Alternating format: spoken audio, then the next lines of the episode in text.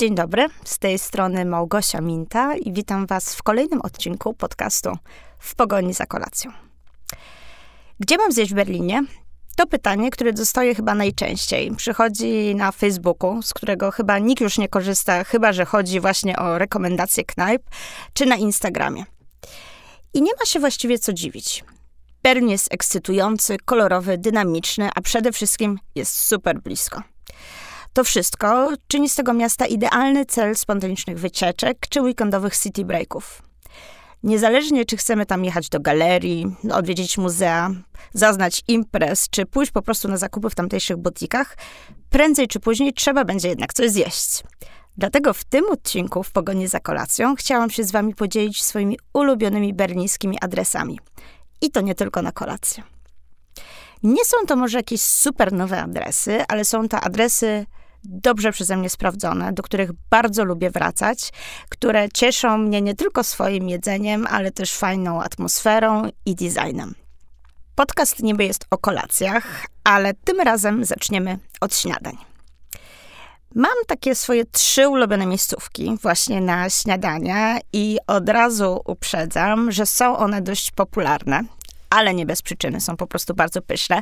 Dlatego się nie zdziwcie, jeśli odwiedzając je, będziecie musieli postać kilka minut w kolejce. Ale uprzedzam, warto. Pierwszy lokal to Sophie Baker. To piekarnia spowinacona z popularnym Atelier September i Apollo Barem z Kopenhagi. Moja miłość do Kopenhagi jest wam już pewnie dość dobrze znana, dlatego otwarcie Sofii w Berlinie samo w sobie było dla mnie powodem, żeby znowu odwiedzić to miasto. Tym razem nie jest to bistro ani bar, ale właśnie piekarnia. I po skandynawsku śniadania są tutaj raczej skromne. Może być to kromka świeżo upieczonego chleba na zakwasie z masłem, serem i jajkiem na miękko, albo firmowa granola z jogurtem i owocami. Albo, i to jest chyba najlepsze, tosty z kimchi i rozkosznie roztopionym serem. Do tego kawa przelewowa albo sogi jabłkowy. Jak wspomniałam, Sofii to przede wszystkim piekarnia. Dlatego oczywiście kupicie tutaj też świetne bagietki, chleby, ale też wypieki słodkie i słone oraz wszystko, co się może do nich przydać. Berlińskie miody, konfitury, nabiał z lokalnych manufaktur, a nawet butelkę naturalnego wina, jeśli miałoby wam zostać na wieczór.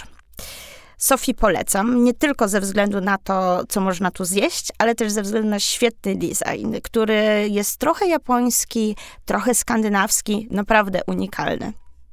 Gwarantuję, zrobicie tutaj świetne zdjęcia na Instagram. Druga sprawdzona miejscówka to Fine Bagels. Nie tylko na śniadanie, ale właściwie na cały dzień, kiedy tylko dopadnie Was odrobina głodu. Jak wskazuje nazwa, klub programu stanowią tutaj bajgle wypiekane na nowojorską modłę. Mają idealną, nieco skórzastą skórkę i miękki, wilgotny miąższ. I niestety z bólem serca muszę przyznać, że w Warszawie nikt tak dobrych, póki co, nie piecze.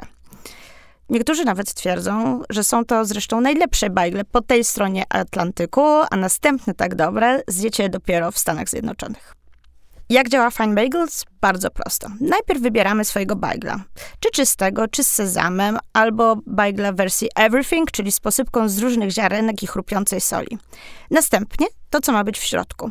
Czy to kremowy twarożek, łosoś i kapary, albo humus i różne warzywa. Gdy już zjecie tego bajla, koniecznie zajrzyjcie do dzielącej z piekarnią przestrzeń księgarni ze świetną selekcją anglojęzycznych książek. Ja szczególnie lubię sekcję poświęconą książkom kulinarnym. Tytuły są tutaj naprawdę dobrze dobrane i nie zdarzyło mi się chyba nigdy wyjść tutaj z pustymi rękami. Trzecia miejscówka będzie chyba najbardziej śniadaniowa. Mowa tu o Annelies. Adres jest właściwie kultowy i, tak jak uprzedzałam, mogą się tutaj zdarzyć kolejki. Tutaj przychodzi się na kanapkę z jajecznicą, tartym cheddarem oraz majonezem o smaku kimchi, albo na puchne pankejki z jagodami i wielką porcją kremowego mascarpone. Albo, co już jest bardziej lunchem niż śniadaniem, poranne burgery z, na angielskich muffinach. Nie wiem jak wy, ale dla mnie jedna kawa, którą wypiję do śniadania, to zdecydowanie za mało. A że kofeina właściwie mnie nie rusza, to dobrych kaw, podkreślam dobrych, mogę się napić w ciągu dnia nawet kilka. Na szczęście Berlin to jedna z kawowych stolic w Europie i śmiem twierdzić, że to właśnie stamtąd dotarła do nas kawowa trzecia fala. Bonanza, The Barn, Five Elephants to nazwy kawoszom, które mówią wszystko. A tym, którzy się mniej w tym kawowym świadku obracają, powiem, że są to takie kawowe znaki jakości. Jeśli gdzieś zobaczycie kartoniki z ziarnami z tych palarni, to znaczy, że czeka was naprawdę dobre espresso, cappuccino albo przelew. Co łączy te wszystkie palarnie? To, że pochodzą z Berlina. Ja szczególną słabość mam do bonanzy. Także ze względu na piękną, pełną światła, roślin i powietrza przestrzeń ich flagowej kawiarni i palarni. Siedzi się tutaj niezwykle miło. Ale od razu dodam, że jeśli chcemy posiedzieć tutaj nie tylko z kawą, ale z laptopem, to do tego celu mamy przeznaczony specjalny roboczy stół. Pozostałe stoliki są przeznaczone tylko na kawę, na rozmowę i na niespieszne cieszenie się czasem. Druga kawiarnia, którą szczerze rekomenduję, to Five Elephants. Nie tylko z powodu kawy, ale też ich legendarnego, ultrakremowego sernika na ciasteczkowym spodzie. Przyznam się, że nieraz zdarzyło mi się wieść kawałki tego sernika z powrotem do Polski. Skoro mowa o ciastkach, w ramach ciekawostki zajrzyjcie sobie do Kame.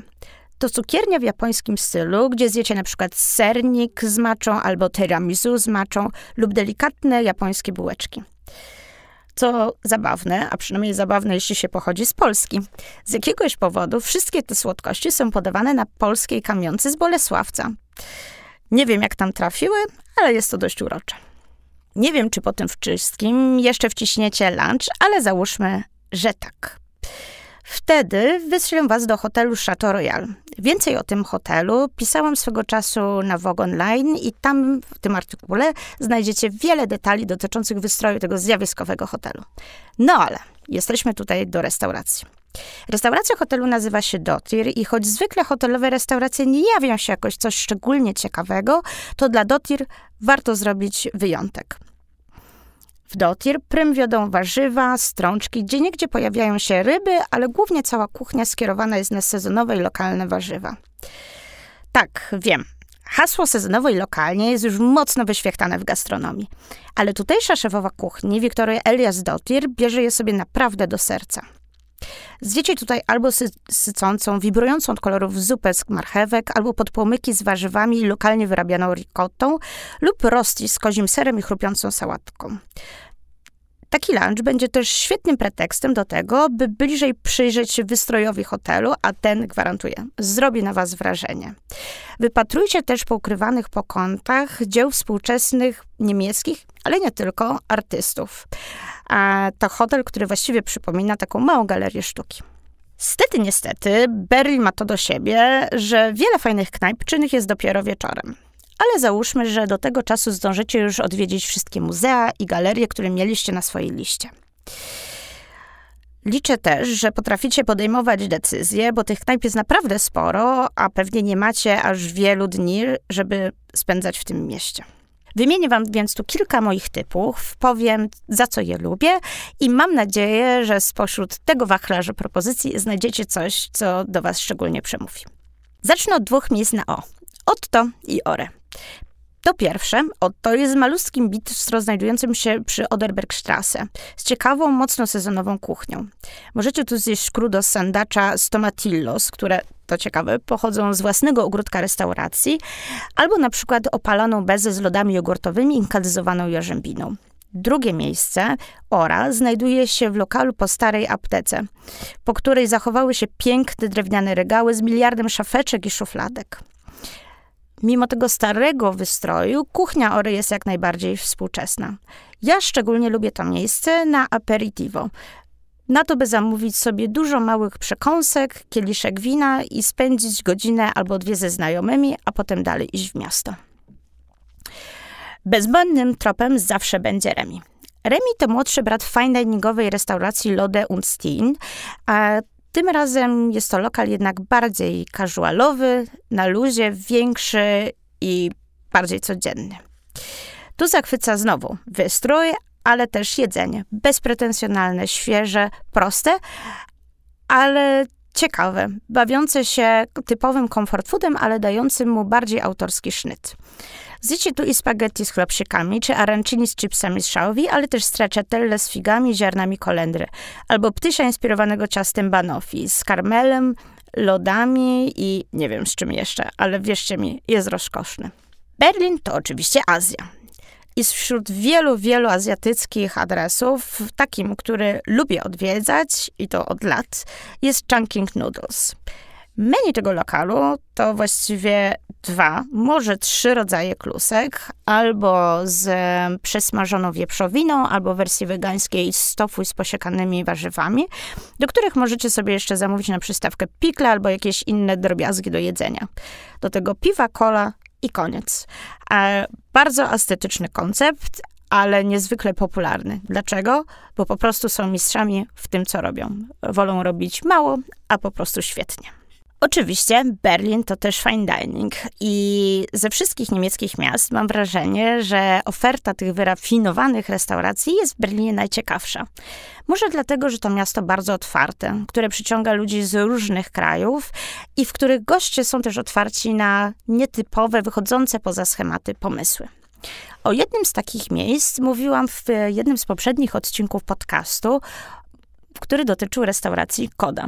Przypomnę tylko, że to jest taka restauracja, gdzie zamiast takiego normalnego menu, gdzie macie przystawki, dania główne i tak dalej, zjadacie kolację, która składa się tak naprawdę tylko z deserów.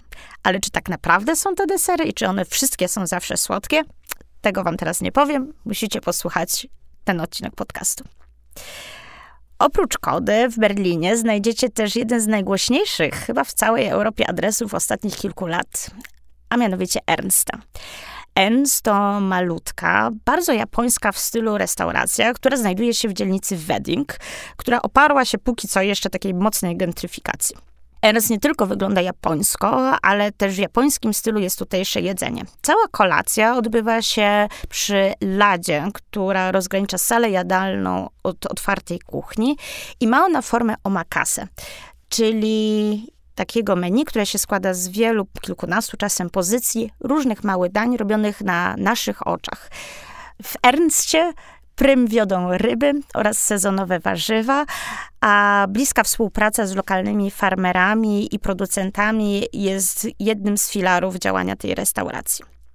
Tutaj dodam, że naprzeciwko Ernsta znajduje się drugi lokal tych samych właścicieli o nazwie Julius. Julia Ernst może być restauracją trudną do zarezerwowania oraz no powiedzmy, nielekką dla kieszeni. O tyle Julius jest wersją bardziej przystępną, bardziej ciepłą, domową i taką, do której można nawet wejść z ulicy. W weekendy zjecie tu tutaj też świetne śniadania i napijecie się kawy, której ziarno są wypalone na miejscu w takim śmiesznym, malutkim kawowym piecyku. Jedną z ikonicznych restauracji Berlina jest Nobelhart und Schmutzig. To z kolei kuchnia brandenburska, czyli kuchnia regionu, w którym znajduje się Berlin.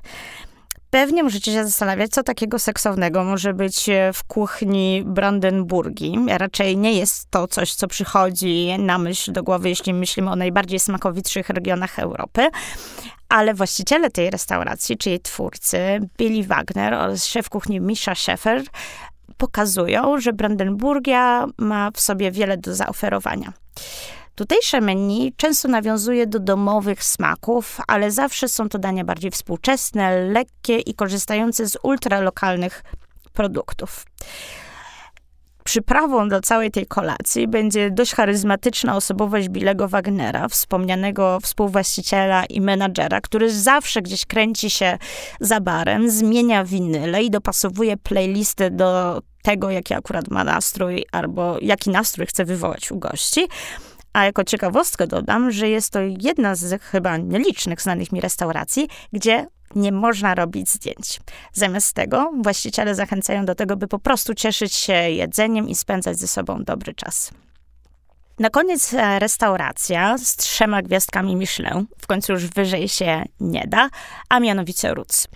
To z kolei dobry trop dla osób, które szukają czegoś na bardziej elegancką sytuację, chcą spróbować bardziej klasycznego fine diningu, ale jednak zawsze podszytego tą berlińską niepokorą, z lekkim zadziorem, czegoś, co jest może nieco buntownicze, choć dalej bardzo wyrafinowane.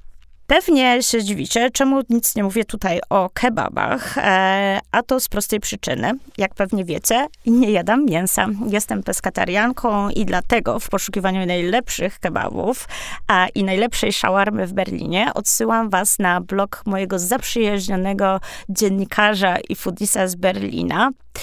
A znajdziecie te wszystkie polecajki na stronie Berlin Food Stories oraz na jego Instagramie. Gwarantuję, że jeśli chodzi o kebaby i shawarmy, Per jest prawdziwym koneserem i jeśli też do niego odezwiecie się na priwa, na pewno wam poradzi.